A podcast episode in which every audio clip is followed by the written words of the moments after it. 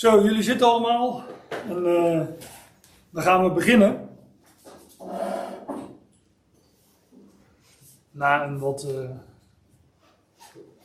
rommelig, nou rommelig wil ik niet helemaal zeggen, maar eh, zo zie je maar weer. Altijd als mens hebben we altijd weer te maken met onvoorziene omstandigheden.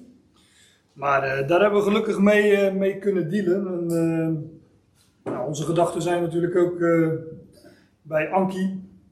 En, eh, zij zei nog van, eh, over haar dochter. Hè, haar dochter heeft een eh, TIA gehad. Ze, ze is in goede handen. Dus eh, ja, dat is ook zo. En bij God zijn er natuurlijk geen onvoorziene omstandigheden. Dus, want hij heeft alles in zijn hand. En over die God willen we het ook gaan hebben natuurlijk weer deze ochtend. En zijn woord openen dat betrouwbaar is en vast en zeker. En ik wil jullie meenemen naar een eh, geschiedenis in eh, het boek Exodus. Exodus eh, 19, om precies, nee 17 om precies te zijn. En ik heb het maar meegegeven als titel Mozes, Aaron en Hur. En ik bedacht me gisteravond eh, dat, dat ik daar eigenlijk nog iemand in ben vergeten. Want ik had ook kunnen zeggen Jozua, Mozes, Aaron en Hur. Want ook Jozua speelt nog een, eh, een rol in, eh, in de geschiedenis die we gaan bespreken. Ik denk overigens dat dit een eh, vrij bekende geschiedenis is. Echt zo'n zondagschoolverhaal. Maar ja, we gaan natuurlijk wat verder kijken dan, dan gebruikelijk is op, eh, op de zondagschool of in de kinderbijbel, waar we de verhalen ook van kennen. Ehm, ja, ik val natuurlijk midden in een, ehm, een boek, het boek Exodus. Dus ik, ehm, ik neem jullie even mee in het, eh, in het voorafgaande. Wat natuurlijk ook zeer onvolledig is als je in Exodus 14 eh, begint. Maar ja, eh, om een beetje de context, een beetje de setting, het verband waarin deze geschiedenis staat eh, te laten zien. Maar ik had ook bij Exodus 1 kunnen beginnen, hè, waar Mozes geboren wordt en eh, enige tijd verborgen wordt door zijn, door zijn ouders. En ehm, ken, dat is trouwens ook zo'n zondagschoolverhaal, dat hij te vondeling gelegd wordt in een biezen mandje in de rivier de Nijl. En ehm, ja, via een eh, door zijn moeder en zus vooropgezet plan eh, gevonden wordt door de dochter van Farao. En eh, opgroeit aan het hof van Farao, 40 jaar lang. En dan gaat Mozes tot zijn volk, Israël. Dus zeg maar, ik ga nu gelijk dubbelzinnig praten. Dan, dan gaat Mozes de eerste keer tot het volk Israël, hè, de eerste komst van Mozes zou je het kunnen noemen. En ehm, je weet wel dat verhaal met dat hij die Egyptenaren doodslaat. Maar Mozes, eh, die, die, staat dus op als verlosser, maar wordt door zijn volk niet erkend of herkend als verlosser. Die eh Hebreeuwse mannen zeggen dan van, eh, wil je ons ook eh, doodslaan of zo, hè, zoals die Egyptenaren. En Mozes moet dan vluchten. En Mozes eh, verdwijnt naar het buitenland, naar Midian, en verblijft daar ook 40 jaar. Dus ehm, eh, hij verblijft daar 40 jaar. Wat doet hij daar? Nou, hij eh, leidt en verzamelt daar een kudde van zijn eh, schoonvader Jethro, want hij trouwt daar ook nog eens. Maar ja, ook dat is natuurlijk een Mozes een type van Christus en die hele geschiedenis is natuurlijk ook, spreekt ook van, van Christus. Hoe hij kwam tot zijn volk, werd verworpen, niet werd herkend, erkend als de verlosser en hij verdween naar het buitenland. En dat eh, Mozes, ja, Mozes moest dus, voordat hij het volk Israël daadwerkelijk ging uitleiden, voordat hij, hè, voor die doortocht door de Rode Zee, moest hij eerst een andere kudde leiden in het buitenland.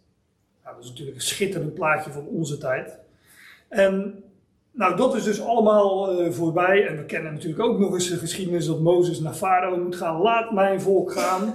En ehm, een groot gedeelte van het begin van Exodus, dus die eerste hoofdstukken, eh, spreekt van eh, de tien plagen. Ja, want dat wordt uitgebreid beschreven. Nou, en uiteindelijk ehm, laat Farao eh, het volk gaan. Nou ja, daar zou je ook nog aantekeningen bij, kanttekeningen bij kunnen maken. Maar het volk trekt door de Rode Zee en daar, uh, ja, daar Farao die bedenkt zich nog, nog eens en gaat het volk nog achterna en komt om in de Rode Zee met zijn leger. Maar dat is dus allemaal voorafgaand aan de geschiedenis die ik nu ga bespreken. Het volk is zojuist doorgetrokken door de Rode Zee. Exodus 15 Um, een groot gedeelte daarvan is een lofzang van, uh, van Mozes, maar ook uh, de geschiedenis van Mara en Elim. Mara bit, betekent bitter, hè, dat water wat zij vonden was bitter. En uh, nou, Mozes gooide daar een stuk hout in en toen werd het zoet. Dan wordt er ook nog een, wat wij zouden noemen, een oase beschreven. Elim met 70 palmbomen en 12 waterbronnen. Nou, allemaal niet zonder betekenis, maar uh, laat ik verder gaan. Oh ja, Exodus 16 natuurlijk ook bekend. Het volk begon al snel te ja, murmureren, zegt de Statenvertaling dan. Mekkeren, zeuren. Wij, Nederlands hebben daar natuurlijk heel veel woorden voor. Misschien nog wel meer als uh, de Hebreeërs.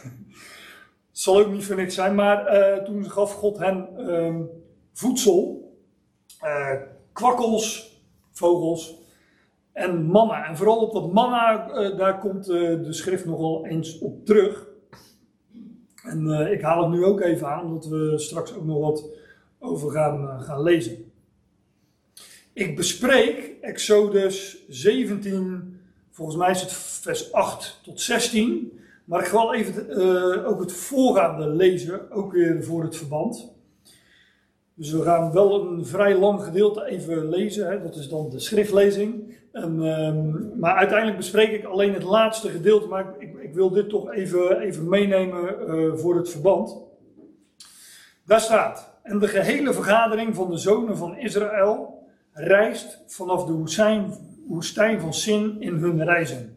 Op het bevel van Yahweh, of de Heere. En zij legeren zich in Refidim.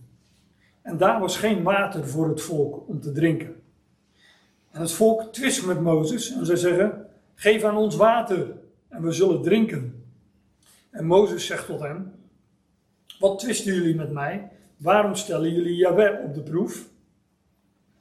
En het volk heeft daar dorst naar water en het volk moord tegen Mozes en het zegt: Waarom toch heb jij ons uit Egypte doen opgaan om mij en mijn zonen en mijn vee van dorst te doen sterven? En Mozes roept tot Yahweh, zeggend, wat zal ik doen met dit volk? Nog een ogenblik en zij gaan mij stenigen. En Yahweh zegt tot Mozes, ga heen voor het aangezicht van het volk en neem enigen van de oudsten van Israël met jou mee. En neem jouw staf, waarmee jij de Nijl geslagen hebt, in jouw hand en ga. Aanschouw of zie, ik zal daar voor jou op de rots bij Horeb staan. En jij zal op de rots slaan en daaruit zal water uitgaan en het volk zal drinken. En Mozes doet zo voor de ogen van de oudsten van Israël. En hij noemt die plaats Massa en Meriba vanwege de twist van de zonen van Israël. Dit is dus het voorgaande. Ik lees het mee omdat er een rots in voorkomt, een staf, en dat vinden we ook allemaal in het navolgende. En uh, ik wou zeggen, hier begon het gemurmureer, maar dat is niet zo. Dat begon natuurlijk al bij de kwakkels eh, en de manna, maar dat zet zich hier maar voort.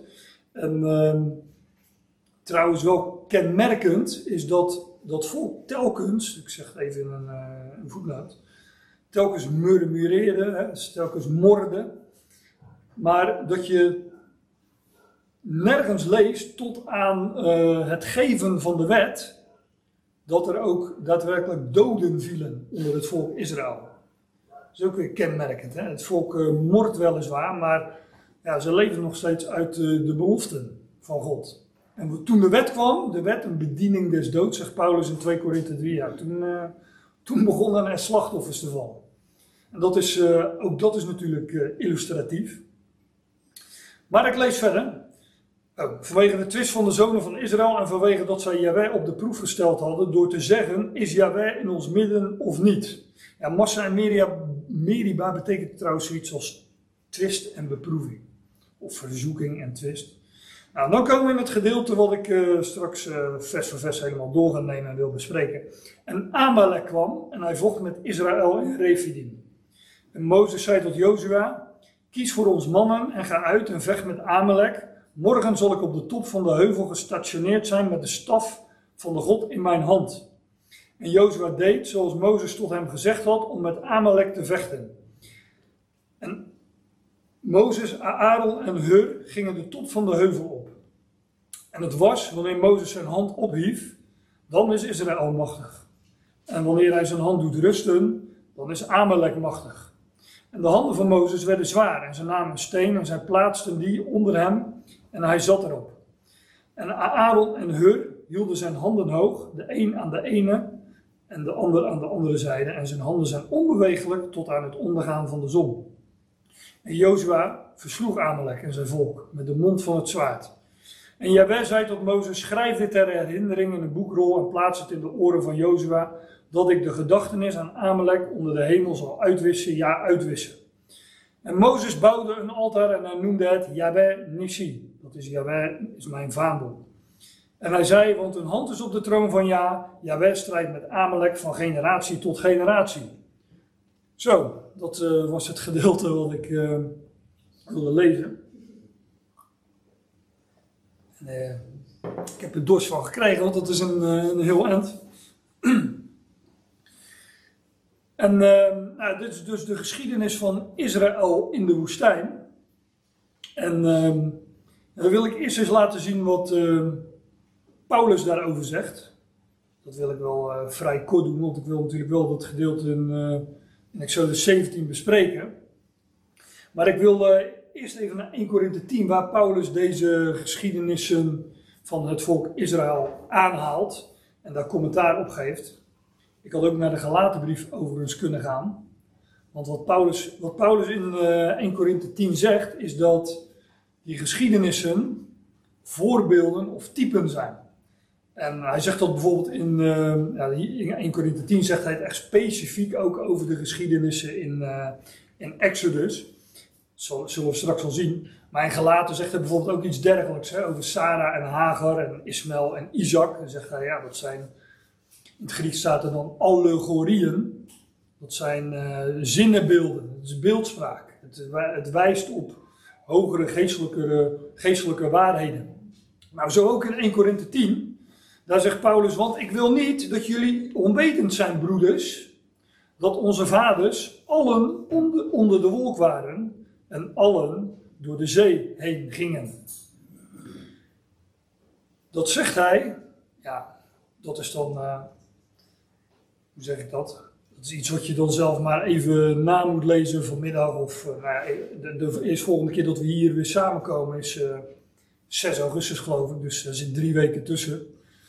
Dus jullie hebben alle tijd om dat uh, eens na te zoeken. Maar in 1 Korinthe 9, daar spreekt Paulus over, um, um, over zijn inspanningen. Hij stelt zichzelf ook als voorbeeld, zijn inspanningen als apostel. En hij zegt daar um, dat, hij, dus, dat hij alles doet voor het evangelie.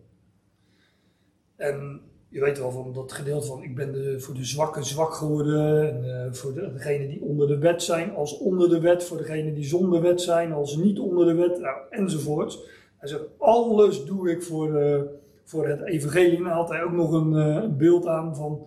Weten jullie niet dat degenen die in de renbaan lopen of rennen... allen weliswaar rennen, maar dat er maar slechts één de prijs ontvangt.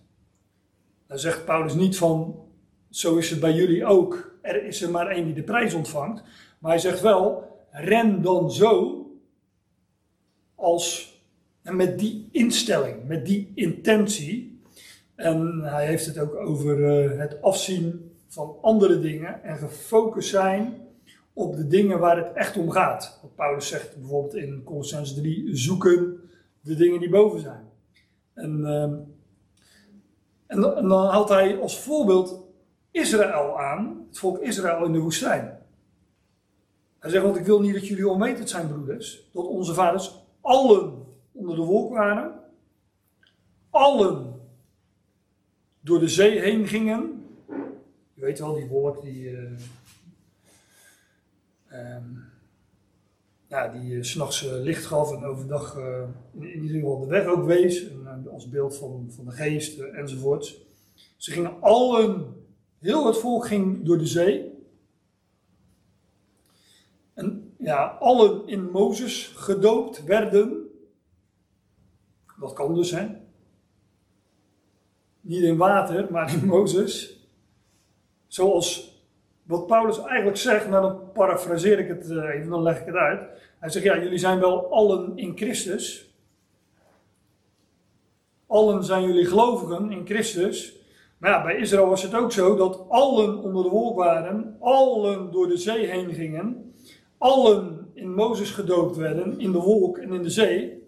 Ze hadden allemaal deel aan Mozes, ze hadden allemaal deel aan die wolk. Ze hadden allemaal, gingen ze door de zee. Ja, dat is leuk. En allen dezelfde geestelijke voeding aten. Aten ze geestelijke voeding dan? Nee, ze, daarom liet ik dat net even zien. Ze aten kwakkels en mannen. Maar die, die kwakkels en dat manna, ja, die hebben dus een geestelijke betekenis. Dat is wat Paulus hier natuurlijk zegt. Zij deelden in Mozes, de wolk, de zee enzovoort, zoals de gelovigen nu in Christus.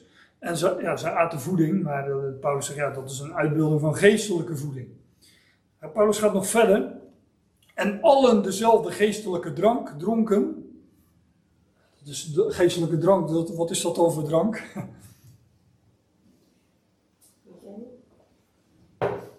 Nou, levend water bijvoorbeeld. Hè? Wat, de, wat de Heer later zegt in het Johannes even. Maar zij dronken uit die rots.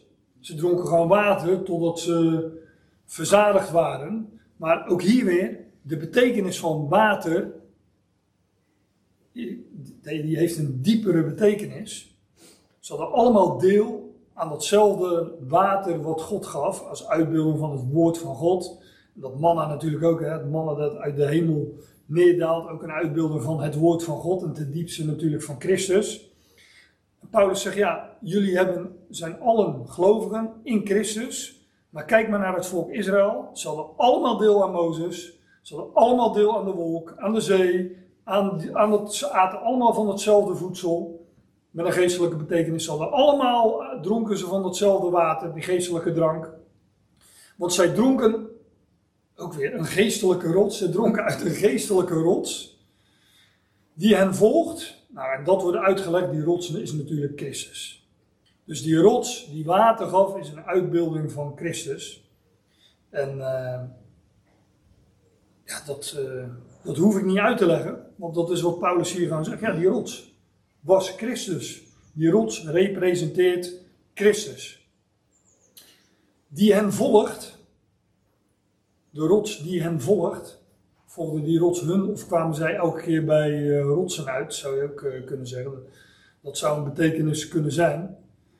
Later kwam er ook nog eens een rots aan te pas waar Mozes twee keer op sloeg. Wat hem uiteindelijk uh, erin resulteerde dat hij het beloofde land niet in mocht gaan. Maar de rots is Christus. En Christus werd één keer geslagen en dus niet twee keer. En vandaar dat Mozes het beloofde land niet inging. Maar laat ik even hierbij, de, de rots was Christus, de rots die hen volgde. Je zou ook kunnen zeggen dat um, in, in Exodus uh, ze aten van de geest, ja, dan maak ik het misschien een beetje noodloos ingewikkeld, maar zij aten van het geestelijke voedsel, manna en kwakkels, dat is Exodus 16. Dan volgt Exodus 17 en daar dronken zij uit die steenrots. Dus dat zou ook nog kunnen zijn. Het volgende is namelijk ze aten eerst en toen dronken ze. Nou, dan mag u zelf eens uh, uitzoeken wat nou precies de betekenis is. Of is de betekenis dat ze telkens een, een, rots tegenkwamen? Want je vindt dat meerdere keren. Maar in ieder geval, de rots was Christus. Nou, de rots is dus een type van, uh, van Christus. En uh, dat is goed om te weten, want die komen in deze geschiedenis ook weer tegen die we gaan bespreken. Maar allen Aten, alle hadden deel aan Mozes, alle werden Mozes gedoopt in de wolk, in de zee, aten van, allen aten van hetzelfde geestelijke voedsel, allen dronken uit de geestelijke rots die hen volgt, en die rots was Christus, maar God heeft in het merendeel van hen geen welgevallen of welbehagen, want zij werden in de woestijn neergeveld. Dus slechts twee leden van het volk dat uiteindelijk uitgeleid werd uit Egypte, ging uiteindelijk dat beloofde land binnen. En uh, dan zegt Paulus, deze dingen werden typen van ons. En ik zeg erbij, Het is niet zo dat wij gelovigen zijn en dat, eh, dat om het even ook in die beeldspraak te zeggen, dat straks aan het eind van de streep, bij de eindstreep zal blijken van dat we toch geen, uh, dat we niet goed genoeg geleefd hebben en dus toch geen gelovigen zijn of zo. We zijn in Christus, dat is een onlosmakelijke verbondenheid. We zijn één met Hem. Maar wat een gelovige wel kan doen, is leven uit geloof of een leven leiden in de praktijk in ongeloof. Want die Israëlieten hadden wel degelijk deel aan Mozes, aan die wolk, aan die zee en al die zegeningen. En toch vertrouwden zij niet op God in hun praktische leven. Want elke keer begonnen ze weer te murmureren of te morren. Om die woorden maar weer eh, te gebruiken. Nou, Paulus houdt dat die Corinthiërs voor. En hij zegt we zouden ons focussen op hem en op het woord. En niet zo doen als die uh, uh, Israëlieten. En hij zegt deze dingen. Zijn eigenlijk gewoon een meervoud van deze. je ziet het hier niet goed, maar op mijn beeldscherm zie ik toch beter. Dat dingen is lichter gedrukt. Komt op dit scherm niet echt heel goed over. Hier zie ik het veel beter. Maar deze is gewoon een meervoud. Dit, deze dingen, zaken, geschiedenissen, werden typen van ons. Het zijn ons overkomen tot voorbeeld, zeggen de meeste vertalingen. Opdat wij geen begeerders van kwade dingen zijn, zoals ook zij begeren. Nou, daar valt natuurlijk veel meer over te zeggen, maar, maar het gaat me nu even om dat deze geschiedenissen typologisch zijn. Het zijn beelden, typen. Typen uh, van ons en voor ons. En dan zegt hij dat, kijk, is vers 6, en dan sla ik uh, een aantal versen over. Dan zegt hij het in vers 11 nog een keer.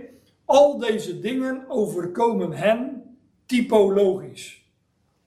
Het, het woord uh, typikos, hier typoi, typikos, daar herken je ons woord type ook nog in. Het zijn beelden, afdrukken, voorbeelden van en voor ons. En het werd geschreven tot onze attendering. En dat woord attendering, rechts onderin, nautesian, heeft met denken, hè, de, de noia, metanoia, paranoia, dat heeft met het denken te maken.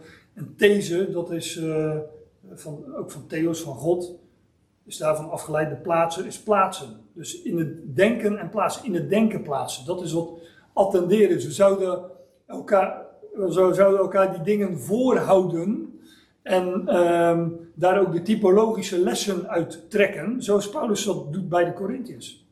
En bij de Galaten, en uh, nogal vaker natuurlijk. Nou, dat gezegd hebbende, dit was de inleiding. uh, gaan we naar Exodus 17, maar het, zijn maar een, uh, een, paar versen. En ehm, nou, als je het mij vraagt, ligt de betekenis ook nogal dik bovenop bovenop. Die is ook uh, dubbelzinnig. Maar dus kunnen we, daar, hoeven we, ik weet niet hoeveel tijd jullie hebben, maar... Uh, heel de dag. Oh, heel de dag. Daar kunnen we vrij snel doorheen. Tenminste, vrij snel. We gaan er gewoon rustig doorheen, maar dat komt wel goed. En Amalek kwam en hij vocht met Israël in Refidim. Dat ehm, ja, nogmaals, dat volgt op de geschiedenis van Massa en Meriba. En Amalek, dat betekent een, uh, een volk dat likt of oplikt. En uh, dat woord likken, dat heb ik eens uh, opgezocht. In het Nederlands zit het er ook echt nog in, hè? Lek, lekken of likken. Lekken is ook oud-Nederlands gewoon voor likken. En Am, kennen we ook allemaal, Ami, Lo, Ami. En niet mijn volk, Ami is gewoon een volk. Volk van likkers. Nou, dat... Lekker.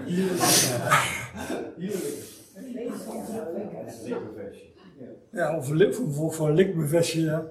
Misschien komt het daar ook wel vandaan, dat weet ik niet. Maar dat heeft eh, in de, in de Bijbel met uh, honden te maken. Ik heb uh, Richter de 7 erbij gezet. Daar, daar waren het de mannen van Gideon die het water als honden oplikten. Dat is wat een hond doet, hè. Die, nou, die likt niet alleen in je gezicht, maar overal aan zo'n beetje. Dus als hij water drinkt, zelfs dat doet hij likkend. Nou, ik heb niet veel verstand van honden, dus... Ja, maar ik kan je een betertje voor stellen. Dat dat, nou, is dat ook weer opgelost.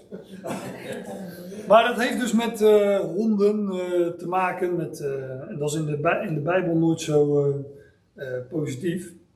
Het was een Amalek. Dat is wel leuk, er staat hier niet de Amalekiet, er staat hier gewoon Amalek kwam en hij vocht met Israël. Ehm, dat was de kleinzoon van Esau.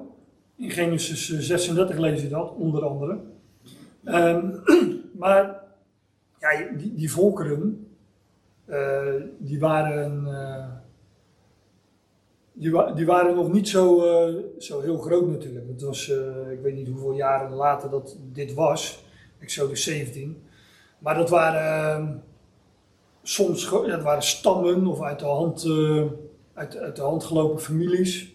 Maar in ieder geval geen, geen volkeren van mil- miljoenen, miljoenen mensen of zo. Dus maar dat is wel leuk. Amalek kwam en hij vocht met Israël. En als je niet meer zou hebben dan dit vers, dan zou je denken dat het de kleinzoon van Esau was. Die vocht tegen Jacob. Hè? Eh, want Jacob zijn andere naam eh, is Israël.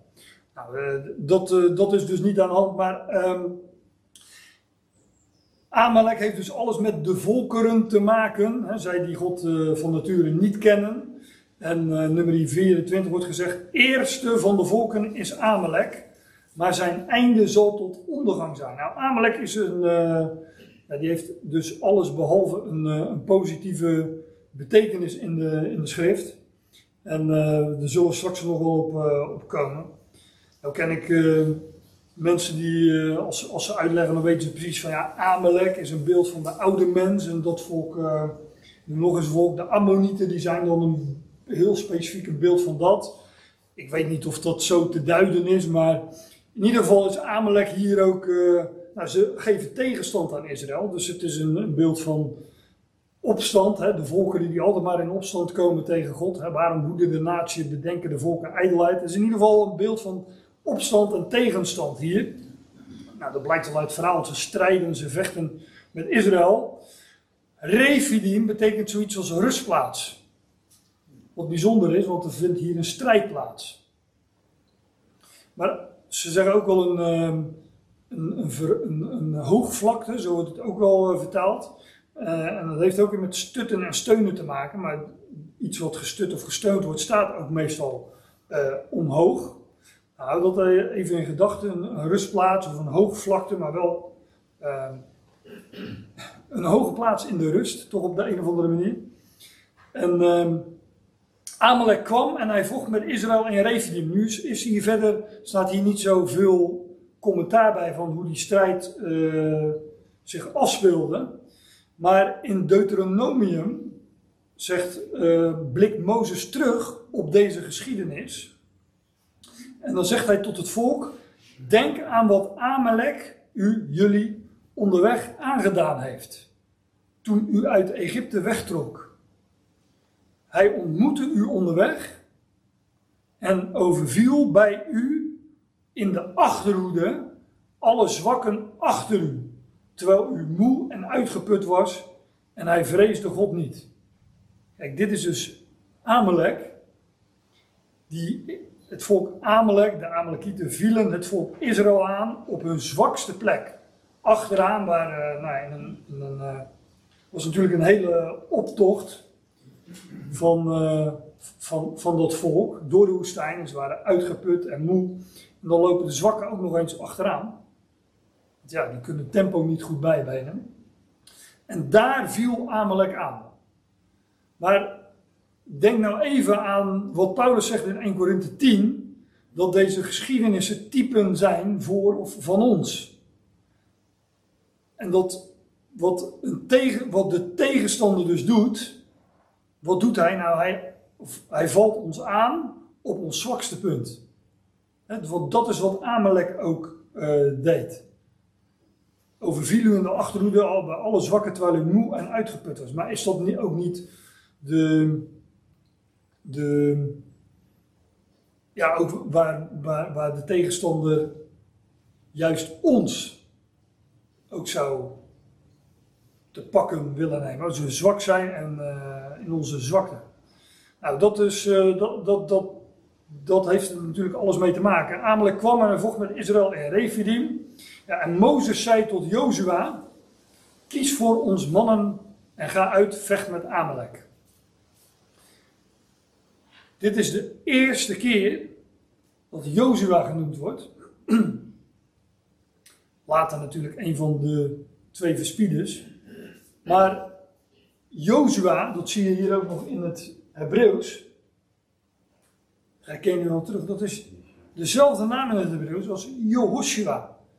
In het Grieks, kijk, dit is natuurlijk het Oude Testament, is in het Hebreeuws geschreven, maar in het Grieks van het Nieuwe Testament is het Jezus.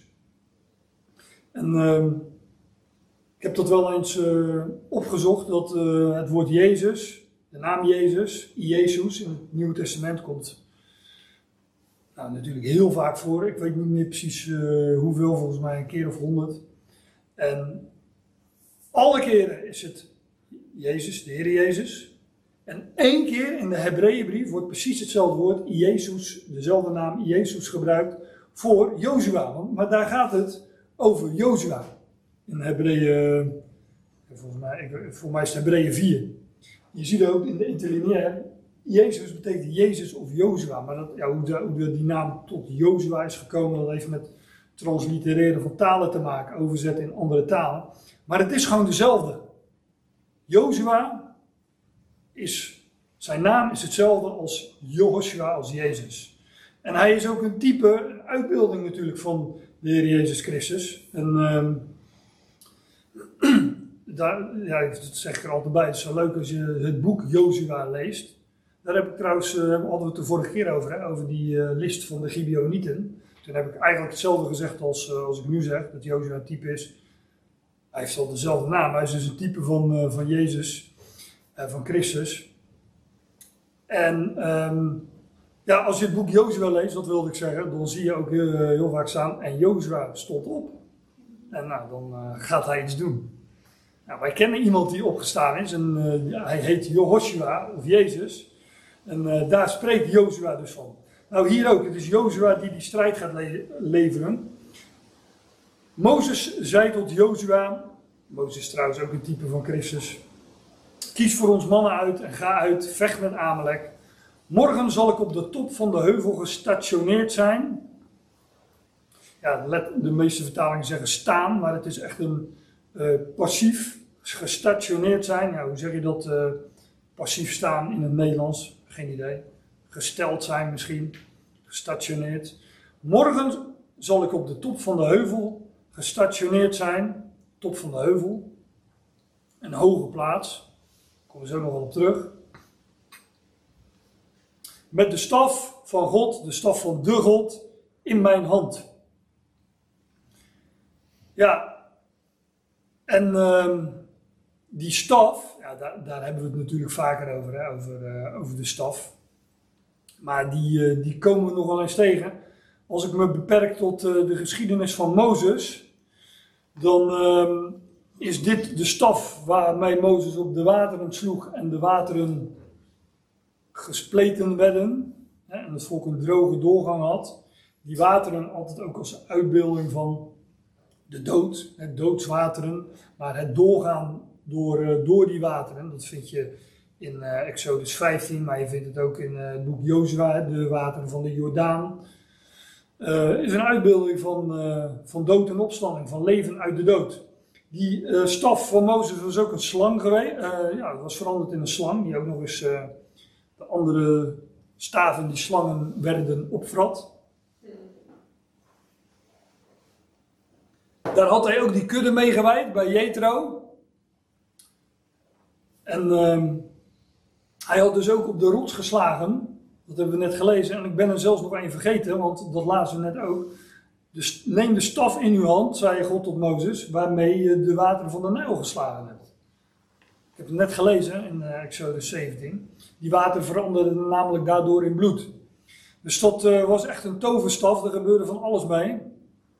Mag dat niet zeggen uh, in deze uh, in deze setting. Nee, maar dat een toverstokje of een toverstaf, dat daar bepaalde magische eigenschappen aan worden toegekend. Dat is natuurlijk niet voor niks. Hè? Dat, dus ik kan zeggen, ja, dat is occult. Maar dat, dat, die, die, die, die occulte lui, om het dan maar even onerbiedig te zeggen, die hebben dat echt niet zelf bedacht. Dat heeft echt wel uh, zijn oorsprong. En God zei, de, deze staf zal jij in jouw hand nemen waarmee jij de tekenen zal doen. En dat, dit verwijst ook naar die tien plagen. Want overal werd ook die staf bij uh, gebruikt. Maar de, de staf is een beeld van opstanding, van staande blijven. Het, ik denk dat dat het makkelijkste is te illustreren aan van ja, waar wordt zo'n staf voor gebruikt. Kijk naar, uh, hier, hier, is niemand nog zo oud dat hij een, uh, een stok nodig heeft om, uh, om te lopen, geloof ik. Maar je, een, stok, ja, oudere mensen die gaan op een gegeven moment met een nou ja, rollators of rolstoelen, maar voor vroeger was dat meer met een stok. Dan zag je dat veel meer. Maar een stok heb je, daar sta je mee op en blijf je mee staan. Hè? Dus daar leun je op, op die staf. Nou, die staf is een uitbeelding van opstanding. En ik had nog heel wat plaatjes kunnen laten zien waarin dat wordt geïllustreerd. Jacob die op zijn sterfbed leunend op zijn staf uh, de eerstgeboortezegen geeft aan uh, Ephraim en Manasse. David die vijf, steentjes uitzocht in de beek, leunend op zijn staf. Jonathan die zijn die honing tegenkwam en zijn staf in, het, in de honing doopte en ervan at. Allemaal uitbeeldingen van opstand. Uw stok en uw staf vertroosten mij. Psalm 23. Het gaat, spreekt altijd van opstanding. En uh, als we nog verder gaan kijken, de roede, de scepter, zijn ook allemaal staven. Hè? En uh, de dubbelzinnigheid van uh, de mannelijke, het mannelijke geslacht zit daar natuurlijk ook nog in. Opstanding, erectie, het Latijnse woord, maar door opstanding verwekt God nieuw leven in zijn schepping, in haar. Nou, dat is de seksualiteit in een notendop, maar ook dat spreekt van, uh, ook, dat zijn, ook dat is typologisch. En vanuit zichzelf bij een stok of een de grond in. Die staat niet vanzelf op. Nee, die staat niet vanzelf op. En uh, ik, nu, ik, nu jij dat zegt, moet ik ook nog denken aan de geschiedenis dat de staf van Aaron werd gelegd in, uh, in de tabernakel en de volgende ochtend bloeide die. Dus dat bloed, bladeren aan, bloesem, vrucht. En daar, daarmee had God aangewezen wie zijn hoge priester was. Want het volk morde weer. En uh, ja, wie zegt nou dat jij uh, degene bent die onze leider moet zijn? Nou, dus, leg, leg, jullie staven maar in, voor de ark van het verbond. En dan morgenochtend ga je kijken en dan zal ik aanwijzen wie mijn hoge priester is. Dus in de morgenstond, in de vroege morgen, bloeide de staf van de Aaron als uitbeelding van, ja, van de opstanding van Christus, waarmee God zijn hoge priester heeft aangewezen, hè, de Heer Jezus Christus.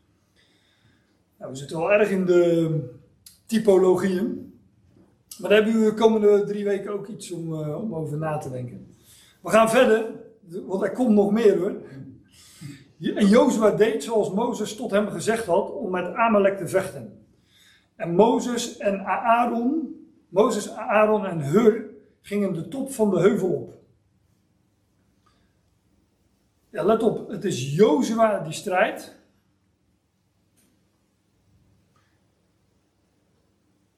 En daarbij worden betrokken Mozes, Aaron en Hur.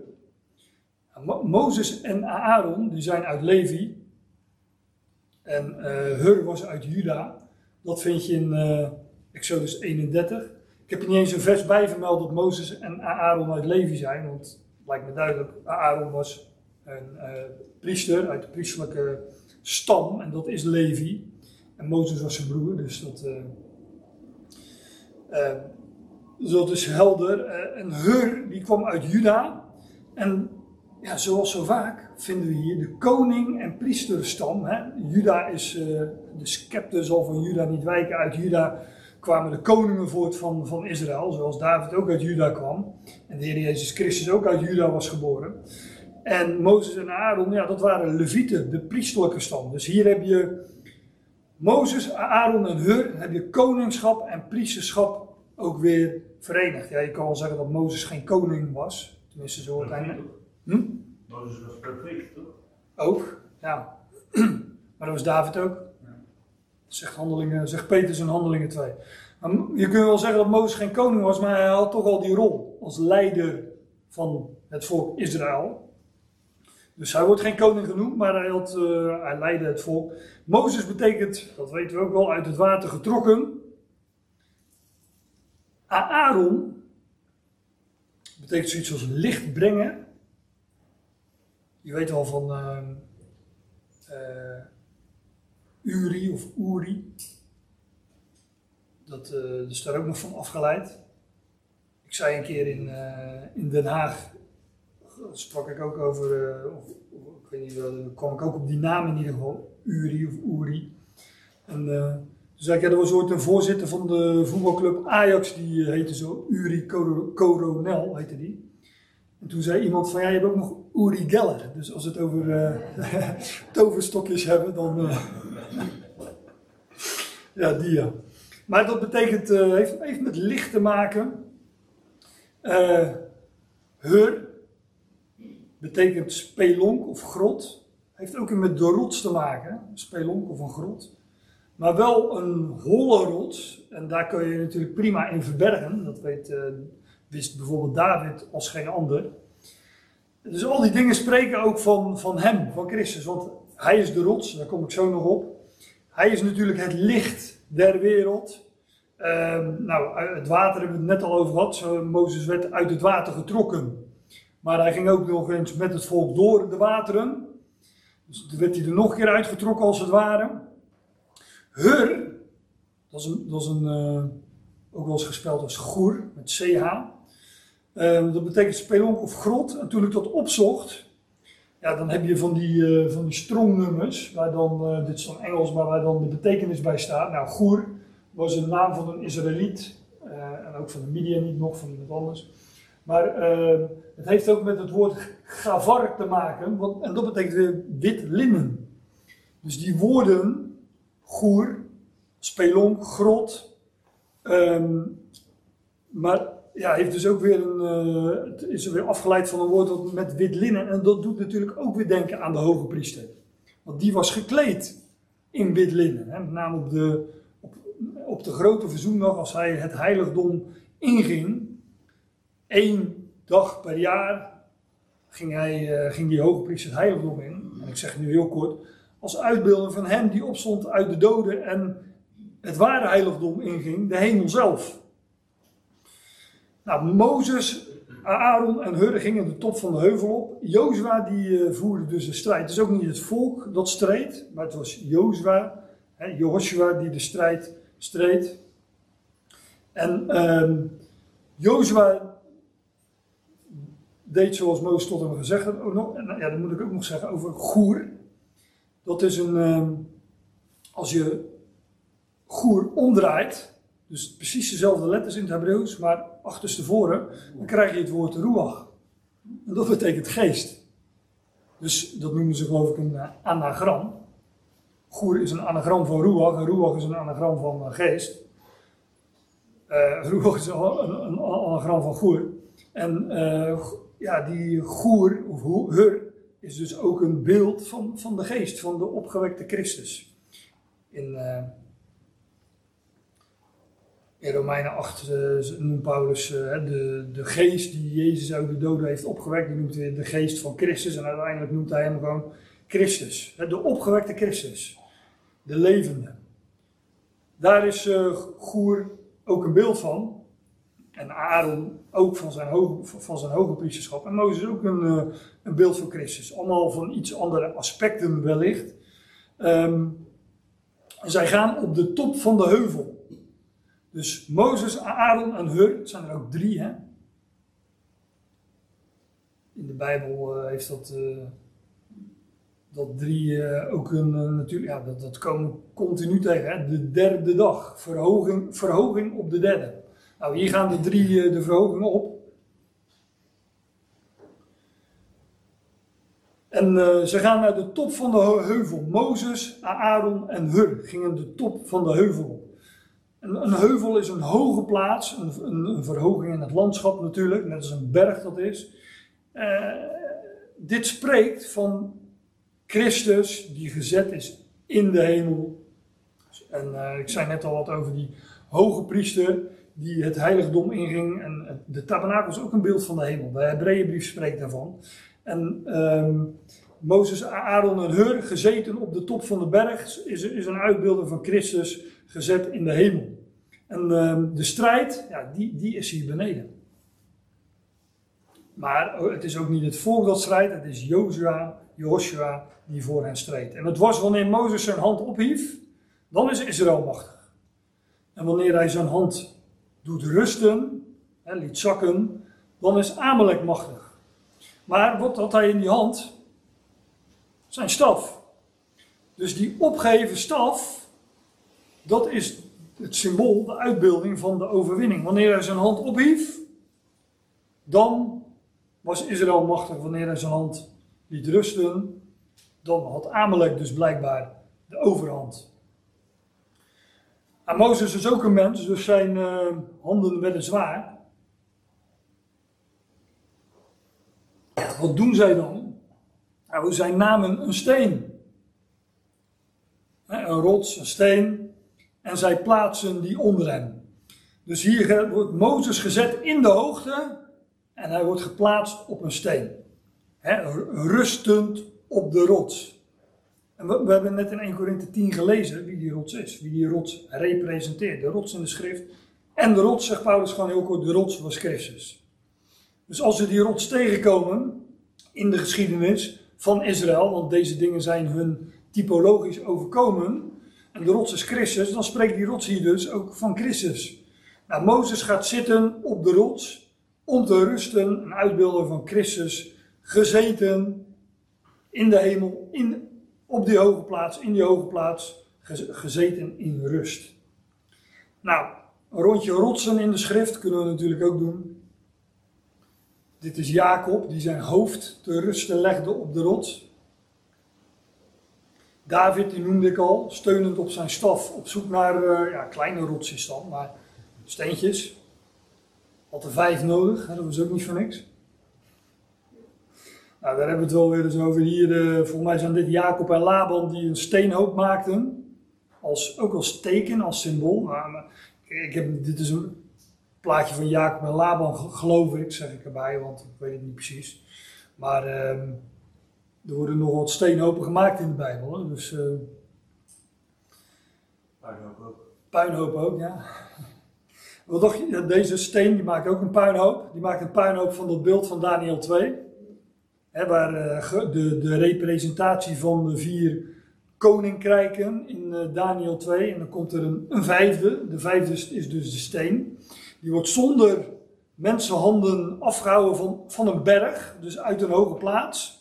Hij rolt naar beneden en verpulvert dat beeld eh, aan de voeten en ver- vermaalt het goud, zilver, eh, koper, ijzer en leem. En er staat bij dat, dat, dat die steen een uitbeelding is van, de kon- van het koninkrijk van de Messias dat uit de hemel, van die hoge plaats, zal neerdalen en af zal re- rekenen met, nou om kort te zeggen, met Babel. Maar ook met het hele denken van Babel en met de aardse koninkrijken. En met, met name met dat laatste koninkrijk dat nog gaat komen. Ja, die hadden we al gezien, hè? de rots waarop eh, Mozes sloeg. Ik ga maar snel verder, anders eh, ga ik, eh, kom ik in de verleiding om meer te vertellen over, over al die rotsen en stenen. En natuurlijk het middelpunt, de meest belangrijke steen of rots die we in de schrift vinden, is de, ook een symbool van de steen bij het graf, voor het graf, die was weggewenteld. Wat natuurlijk ook symbolisch is, want de Heer had echt wel dat graf uitgekomen als die steen niet was weggewenteld. Hij stond ook opeens in een kamer bij de discipelen, terwijl de deur op slot was. Nee, dit, dit steen is een symbool, is een, eh, is een, is een, een type. is typologisch ook. Maar die steen was weggewenteld.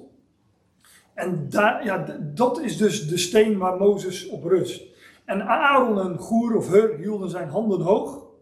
De een aan de een, ene en de andere aan de andere zijde. En dan staat er, en zijn handen zijn onbeweeglijk tot aan het ondergaan van de zon. Aaron en Hur, nogmaals als, uit, als uitbeelden van priesterschap en koningschap, dat is een, is, moet ik er trouwens ook nog even bij zeggen, maar dat, ook dat bespreken we vaker, uh, is iets dat onder het oude verbond niet samen kon gaan. De priesters waren uit Levi en de koningen waren uit Juda. En, de, en toch is de Jezus Christus gezeten in de hemel hoge priester. Alleen niet naar de wijze van Aaron, niet naar de wijze van het oude verbond, maar naar de orde, naar de wijze van Melchizedek. En Melchizedek leefde ver voordat het oude verbond kwam. En hij was koning en priester. En daarom kan de Heer ook koning en priester zijn. Ik uh, besef nu dat ik het nu heel kort zeg, maar uh, ik, ja, ik, ga er maar vanuit dat de meesten van jullie dit uh, vaker gehoord hebben en dat het wel bekend is. En zo niet, dan, nou ja, dan komen we daar nog wel eens op.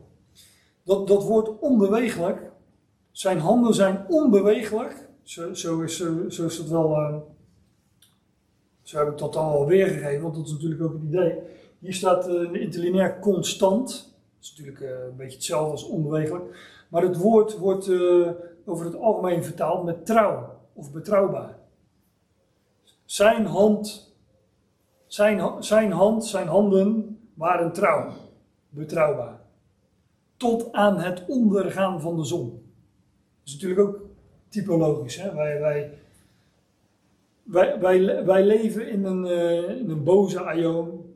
de, uh, we zien uit naar de toekomende aion, naar de dag van Christus, de dag van de Heer, de dag dat een nieuwe dag gaat aanbreken. Nou, beneden, wij, wij leven in een, uh, het leven is een strijdtoneel, hè, zegt men dan. Nou, dat, dat is ook zo. Dat is voor de mens op zich al zo, maar voor ons als gelovigen misschien nog wel meer. Wij hebben nog andere dingen waar we strijd door kunnen ervaren. Hè. Dat is een tegenstander die ons uh, op ons zwakste punt uh, aanvalt. Maar er is iemand die gezeten is in de hoogte en zijn hand is trouw en betrouwbaar. En zolang en hij heeft, hij heeft de, de overwinning behaald, die staf, dus het embleem van overwinning, um, houdt hij omhoog. En uh, zijn hand is betrouwbaar en trouw tot aan de ondergang van de zon toe. Dus tot, uh, nou ja, tot uh, voor ons de zon ondergaat, hè, letterlijk of figuurlijk. Totdat wij sterven of, of totdat de nieuwe dag aanbreekt, hè, de dag van Christus. Zijn, hand is, zijn handen zijn trouw, betrouwbaar tot aan het ondergaan van de zon. En Jozua versloeg Amalek Jozua versloeg Amalek. Niet het volk versloeg Amalek, maar Jozua. Dus hij, Joshua, hij is degene die de strijd voert. Hij is, hij is daar in de hoogte, maar hij is ook met ons. Christus in jullie, zegt Paulus in uh, Colossense. Jozua versloeg Amalek en zijn volk. Ja, met de scherpte van het zwaard staat dan in de meeste vertalingen. Maar eh, letterlijk staat er met de mond van het zwaard. Nou, Jozua versloeg Amalek, de strijd is beneden, maar de overwinning wordt boven beslist. Dat is een mooi beeld. Hè? Hij, hij is gezeten aan Gods rechterhand in de hoogte. Wij kunnen wel eens een strijd ervaren, maar de overwinning is gegarandeerd en die wordt niet hier beslist, maar boven. En betrouwbaar. En, en, en het is betrouwbaar, want zijn hand is betrouwbaar. Ja. Dus zoek en bedenk de dingen die boven zijn. Dat is niet dat Paulus, dat, dat is niet zomaar een, uh, een leuke frase voor op een tegeltje in de, aan de wand of zo. Ik wilde in de wc zeggen, maar dat hoeft niet per se natuurlijk. kan ook gewoon, nee, maar dat, mag. Dat is een mooie herinnering om, om daarbij bepaald te worden. Maar daar gaat het ook om. Hij is boven, hij is gezeten aan Gods rechterhand. Hij, en hij, ja, hij doet het. Nou wat? Ja, alles. En als wij hier strijd ervaren, nou, eh, Jozua is met ons, hij voert die strijd. En uh, uh, hij is daar gezeten in, in de hoogte, rustend op de rots, het volbrachte werk. En uh, daar zouden wij ons zoeken en bedenken de dingen die boven zijn, zoals Paulus dat zegt. Ons leven is ook met Christus daar verborgen. Wat natuurlijk ook nog maar een kwestie van tijd is, want dat staat erachter. Wanneer hij geopenbaard zal worden, zullen wij met hem worden geopenbaard in heerlijkheid. Ja, die, eh, de andere vertalingen zeggen scherpte van het zwaard, maar het staat echt dat het de mond van het zwaard is, staat er in het Hebreeuws. Het zwaard spreekt dus. ook, ook, dat zwaard is natuurlijk een beeld, een voorbeeld, een type. En um, zo wordt het in Hebreeën 4 ook gezegd. Het woord van God is levend en krachtig en scherper dan enig tweesnijdend scherp zwaard. Dus dat zwaard uh, is een uitbeelding van het woord van God. Je vindt het ook in de wapenrusting van Efeze 6. Ik had het net over de tegenstander die ons aanvalt op onze zwakste plek, zoals, de, zoals Amalek dat doet bij het volk Israël in deze geschiedenis.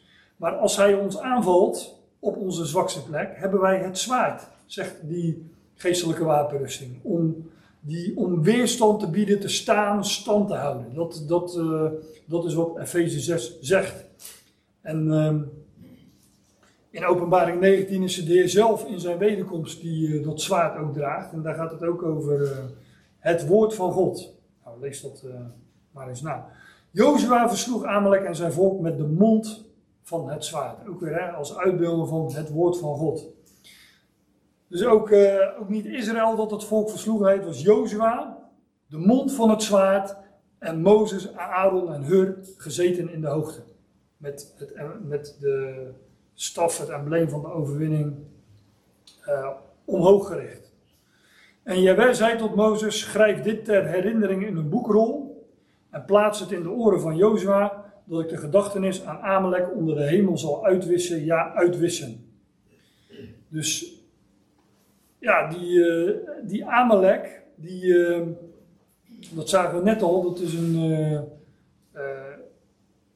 volk waar, waar God een strijd tegen heeft, zo zegt hij, zo lazen dat net van geslacht tot geslacht. Maar die zal, die tegenstand, die zal worden uitgewist. Er zal mee worden afgerekend. En Mozes bouwde een altaar en hij noemde het Yahweh Nishi. En dat uh, heb ik erachter gezet, uh, dat betekent Yahweh mijn vaandel. Ja. En dan kan je natuurlijk zondige gebruik van maken om met vlaggen te gaan zwaaien de evangelische gemeente. Ja, dat moet ook ergens een oorsprong hebben. Misschien uh, komt het hier vandaan, dat weet ik niet. Maar dat vaandel, wij denken dan aan een vlag. Maar een vlag, een vaandel, een banier. Maar in deze geschiedenis is het natuurlijk die staf. Die staf, die staf is, de, is, is, is het embleem dat omhoog gehouden wordt. En uh, Yahweh Nishi is dus een van de, van de namen die, uh, die Yahweh hier uh, krijgt. En het verwijst naar de staf als embleem van de overwinning. Ja, en wij weten waar, dan, waar naar die staf verwijst, naar de opstanding van, van Christus. Mozes bouwde een altaar en hij noemde het Yahweh Nishi. En hij zei, want een hand is op de troon van Ja. Yahweh strijdt met Amalek van generatie tot generatie. Ja, dus die, die, die strijd, die zo, die, wat nou die, die, die, die strijd, die is er, van geslacht tot geslacht of van generatie tot generatie. Maar de, um, God heeft ook gezegd, ik zal de gedachtenis aan Amalek uitwissen, ja, uitwissen. Maar er is een, er is een hand, hè, die hand van Mozes, die betrouwbare hand, is die in, uh, in deze geschiedenis het uitgebeeld door die hand van Mozes. Er is een hand op de troon van Ja, als afkorting van de naam van Yahweh natuurlijk. En gezeten op, gezeten aan Gods rechterhand op de troon, de troon van genade, is de Heer Jezus Christus. En uh, hij heeft de overwinning behaald. En die, zijn hand is op de troon van Yahweh. En er is weliswaar een strijd hier beneden in het dal.